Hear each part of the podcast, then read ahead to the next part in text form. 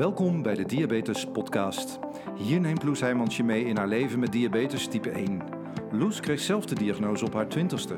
Nu is ze auteur en spreker over leven met diabetes type 1. Naast haar eigen verhaal beantwoordt Loes ook vragen van luisteraars, gaat ze in gesprek met experts en deelt ze de nieuwste ontwikkelingen op diabetesgebied. Hier is jouw inspiratieshot voor deze week. Dit is de Diabetes Podcast. Het is een van de meest gestelde vragen aan mij. En ik denk, als je kijkt en uh, je hebt zelf ook uh, diabetes type 1, dat het misschien ook wel de meest gestelde vraag aan jou is. Um, hè, als ik tegen mensen vertel uh, dat ik diabetes type 1 heb en wat dat zo'n beetje inhoudt, in hoeverre je dat al kort kunt vertellen, dan volgt altijd de vraag: maar hoe wist je dan dat je dat had? Of hoe kwamen ze daarachter? Um, dus ja, ik dacht, uh, ik ga er eens even lekker uh, voor zitten hier uh, vandaag. En ik ga eens even mijn diagnoseverhaal met jullie delen. Want ja, dat, dat ging bij mij als volgt. Ik was um, ehm, 20 jaar en ik, ik liep stage in, in Spanje, in Valencia waar ik echt de tijd van mijn leven had. ik woonde daar een half jaar midden in het centrum. Uh, we hebben het hier over 2003, uh, eh, toen uh, Valencia nog niet zo toeristisch was als dat het nu is. Sterker nog, je kon er nog niet eens rechtstreeks op vliegen. dus ja, ik werd meteen helemaal verliefd op de stad en de taal en, en het land. En dat ben ik nog steeds. Dus ik had er echt de tijd van mijn leven. Veel Spaanse vrienden gemaakt ook. En nou, ik heb daar heel hard gewerkt. Ik werkte in een hotel. maar ik denk ook nog harder gefeest. Dus um, toen het einde van uh, dat half jaar naderde, was ik wel heel erg moe. En ik dacht, ja, dat is logisch. Hè? Meer dan 40 uur in de week werken. En uh, ja, keihard stappen in het weekend. Uh, het is logisch dat ik een beetje moe ben. Over drie weken ga ik naar huis en dan slaap ik wel weer bij. Dat was mijn gedachte. Ik had ook heel veel dorst. Maar echt, ik had een huisgenoot. wij woonden samen in een appartement. En ik had op een gegeven moment, uh, ik pakte een fles frisdrank uit de koelkast en ik schonk een glas in en ik dronk dat op. En ik schonk nog een glas in en ik dronk dat op. En ik schonk nog een glas in en ik dronk dat op. En uh, hij zei echt, ja Loes, ik weet niet wat jij aan het doen bent, maar waarom drink je die fles gewoon niet in één keer leeg? Want, met dat glas erbij, ja, dat slaat helemaal nergens op. Ik zei, ja, ik heb gewoon echt heel veel dorst. En ik weet nog, uh, we gingen naar huis, um, we zaten in het vliegtuig. En ik ben echt serieus nog nooit zo blij geweest om de stewardess te zien die met haar uh, karretje met drinken voorbij kwam.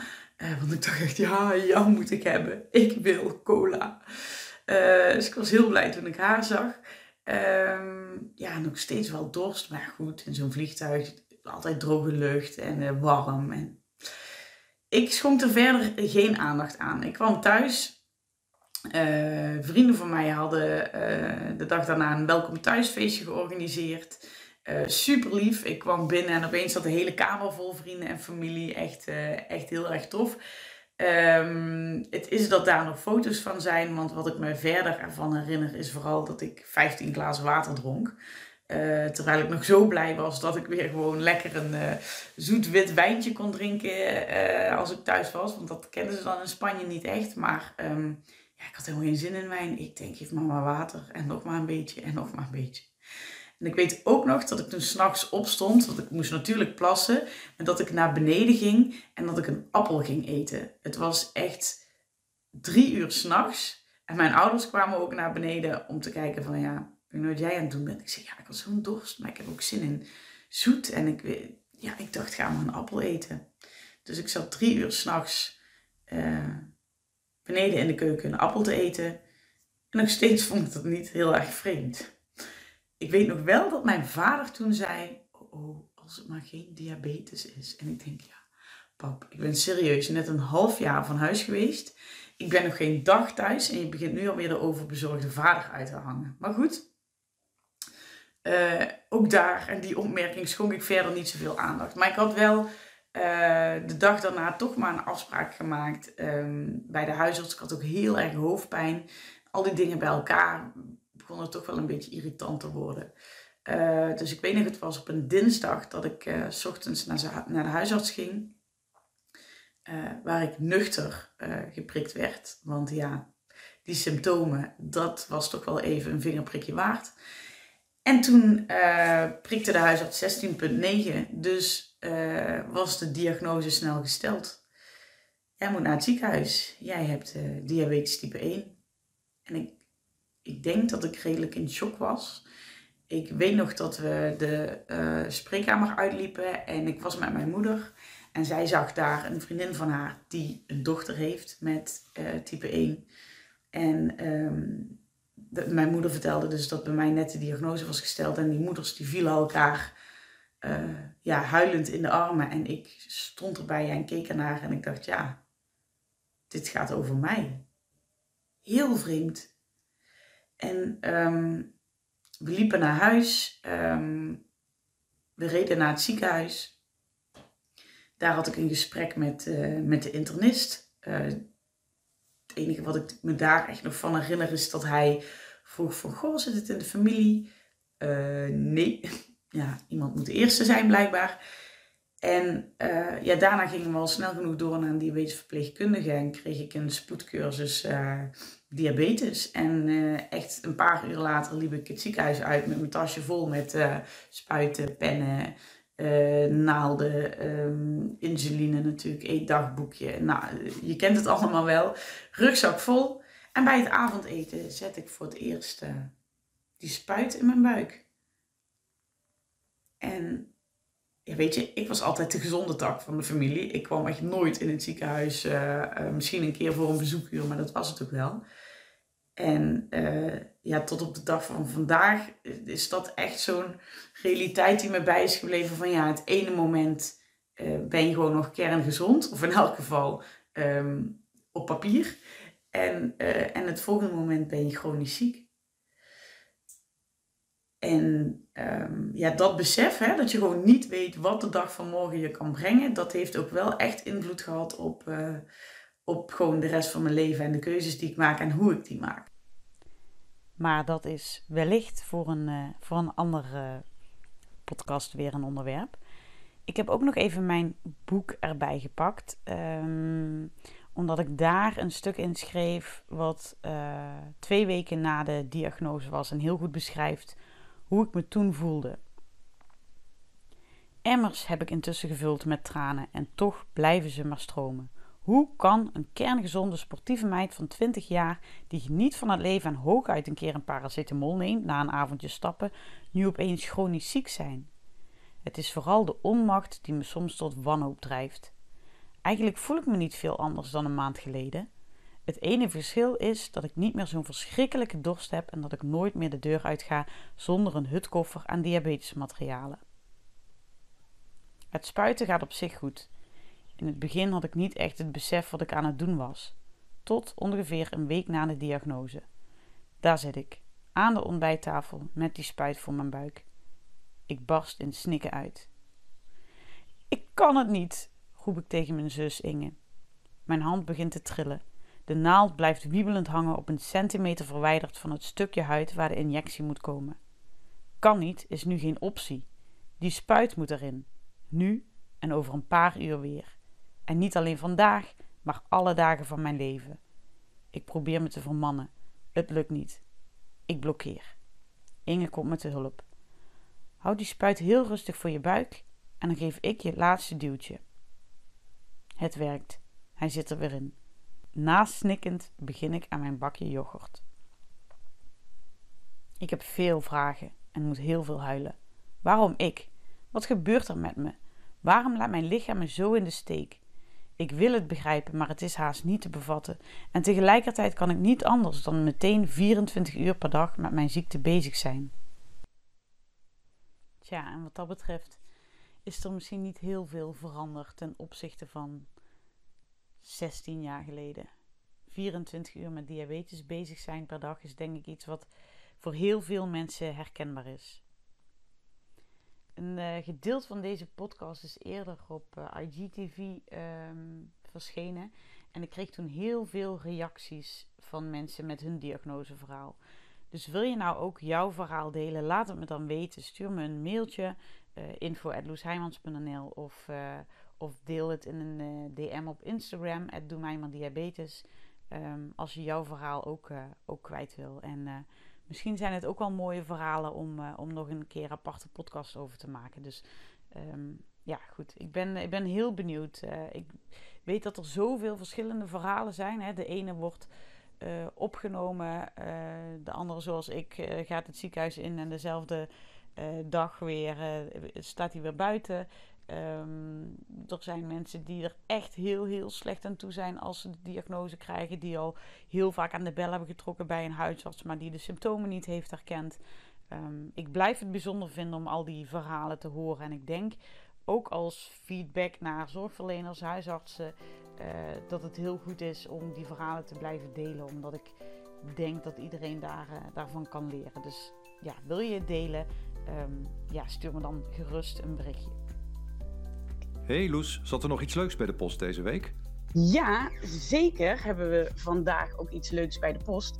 Ik krijg namelijk heel vaak uh, ook reacties als ik mijn diagnoseverhaal deel. Dus uh, wat, ik, uh, wat ik hiervoor heb verteld, dan krijg ik echt de meest, ja, soms wel schrikbarende verhalen van, van andere mensen met diabetes binnen. Um, maar ik kreeg ook een berichtje van Sanne in de mail. En Sanne zegt: Goh, Loes, als je het over diagnoses hebt, is het dan niet leuk iets te vertellen over ons diagnosemagazine. En dan kunnen jullie misschien wel raden over welke Sanne ik het heb. Namelijk Sanne van Stichting 1 Diabetes. En ik heb niet alleen Sanne uh, hier bij me voor het interview, maar ook Anne. Voor het eerst een duo-interview dus. Uh, dames, kunnen jullie je even kort voorstellen aan onze luisteraars? Laten we beginnen met Sanne. Uh, ik ben Sanne, ik ben 20. Ik zit in het bestuur van Stichting 1 Diabetes, ehm, maar normaal studeer ik geneeskunde. Dankjewel. En Anne? Ja, ik ben uh, Anne, ik ben 21 en uh, ik zit ook samen met Sanne dus in het bestuur van de stichting.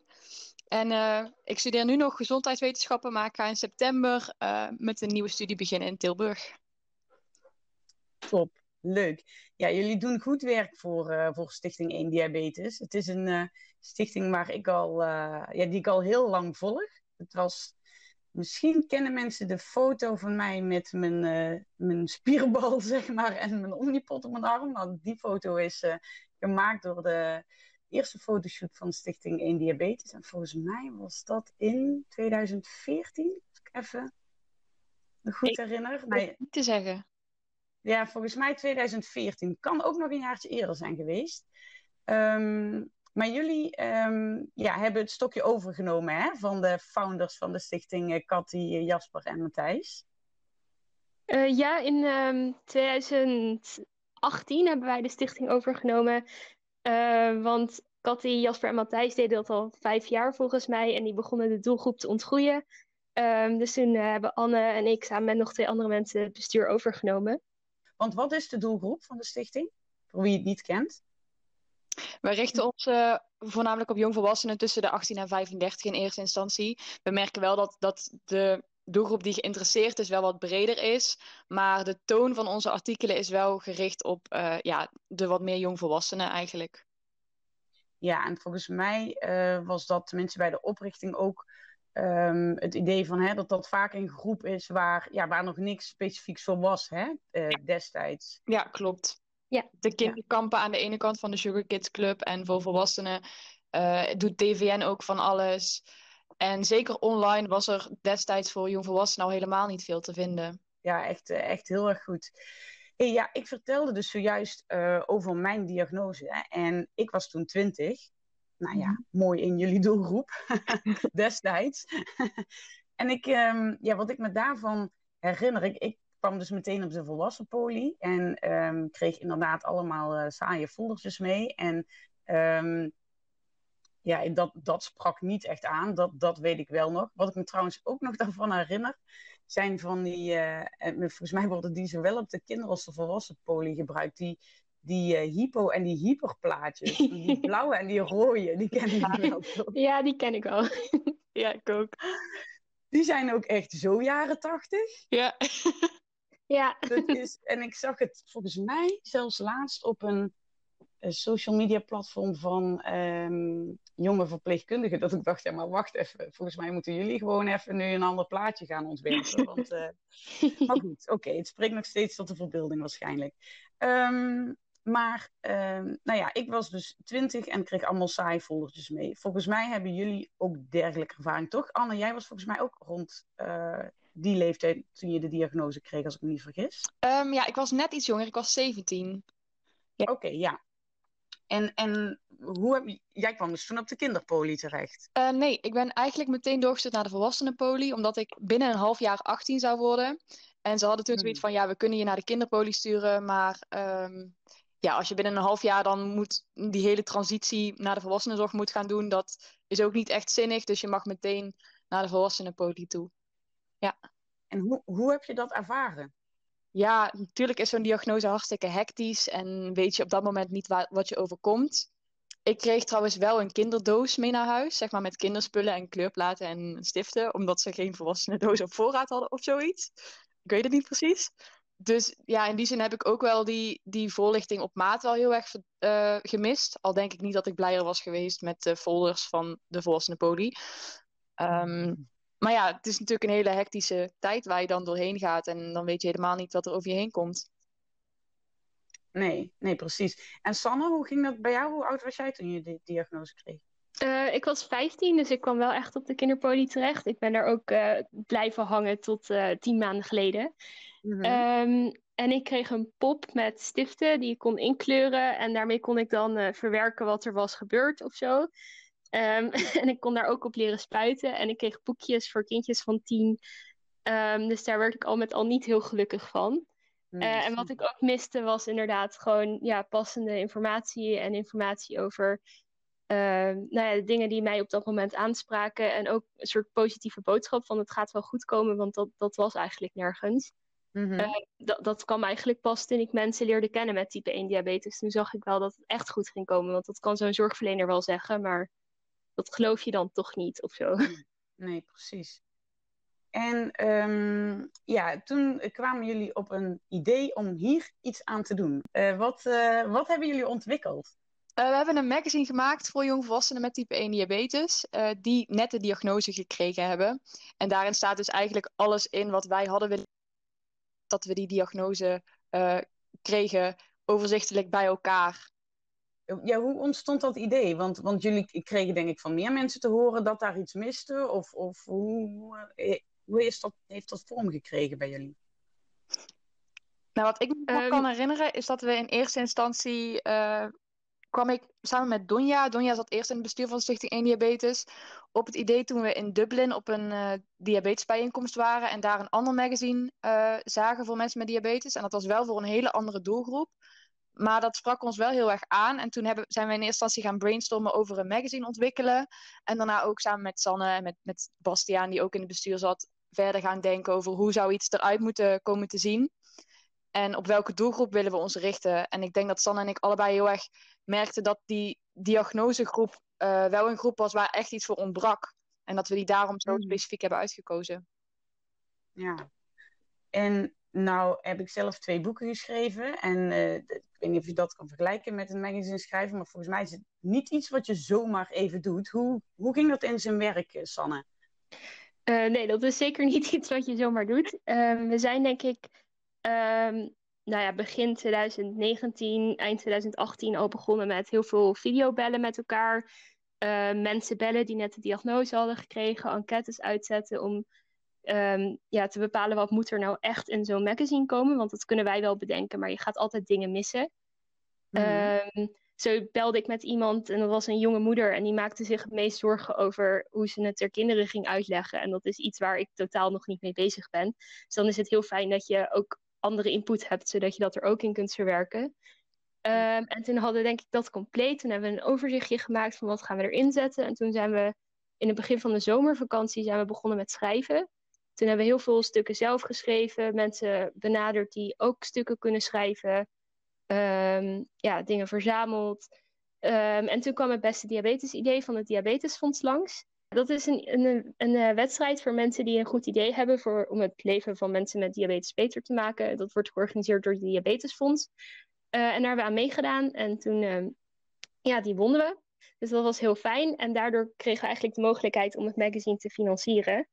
Uh, en Ja. toen is het ook in een stroomversnelling terechtgekomen. Want toen hebben we alle artikelen afgerond en herschreven. En toen is het proefgelezen door 35 mensen. Eh, hebben we die feedback weer verwerkt. Eh, zijn er mensen mee aan de slag gegaan om het op te maken. En is het gedrukt. En ja, toen was het magazine er. Ja, tof. Ja, je vertelt het nu in, eh, in vijf zinnen. alsof het heel normaal is. Maar het is me toch een klus geweest. Zeker.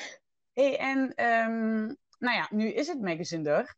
Als ik me niet vergis, zou het de bedoeling moeten zijn dat het rond deze tijd overal in de ziekenhuizen terecht kwam, toch? Ja, dat klopt. Eh, ze liggen nu bij mij op de zolder, of bij mijn moeder thuis eigenlijk. Ehm, ik heb de hele zolder volgebouwd met magazines.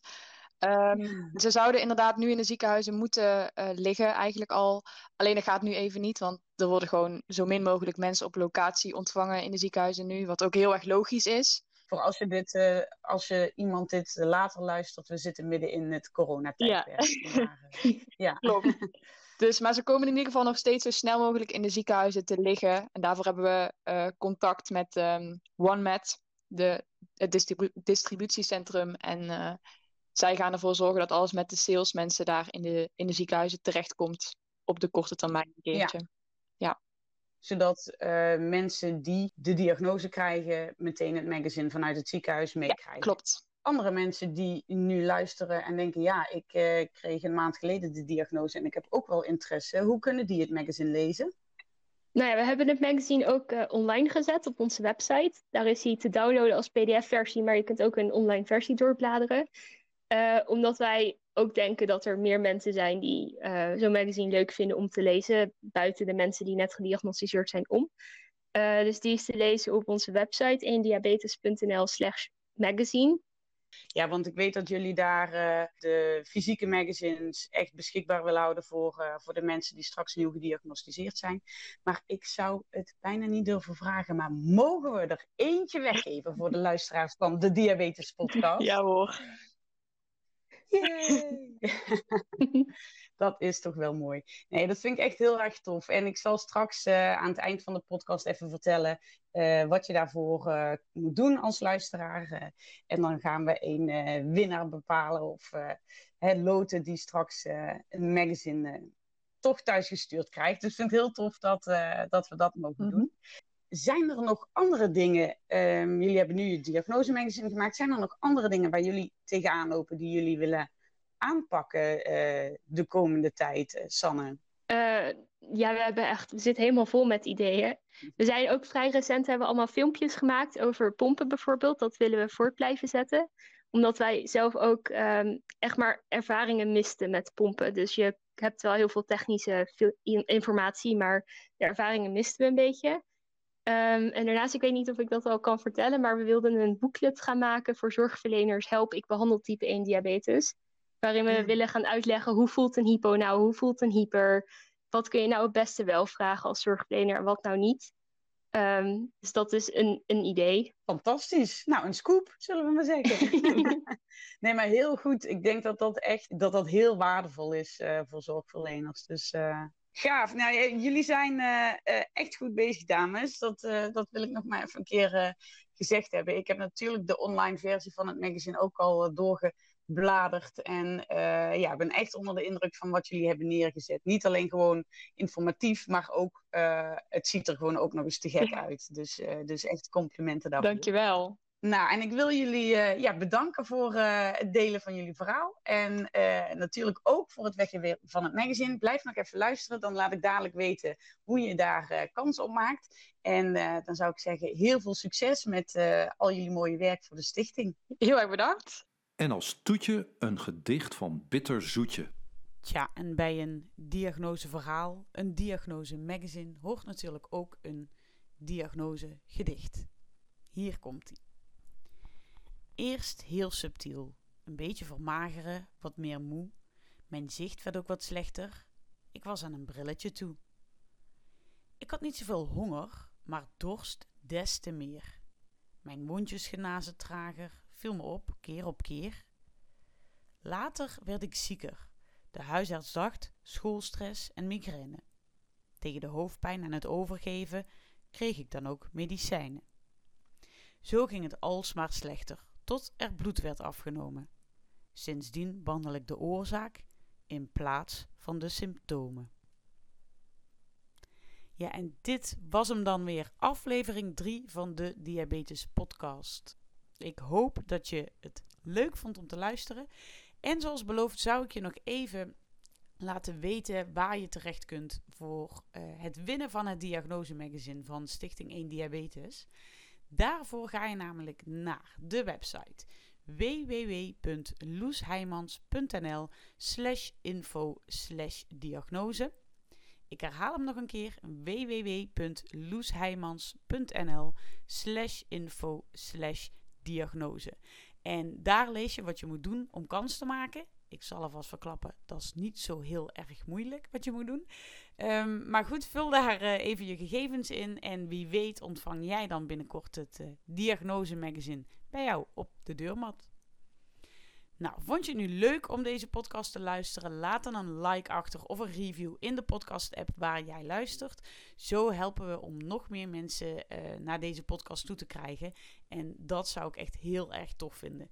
Ik vind het ook leuk als je uh, door middel van een screenshot laat weten dat je luistert. En tag me dan bijvoorbeeld op Instagram, diabetes.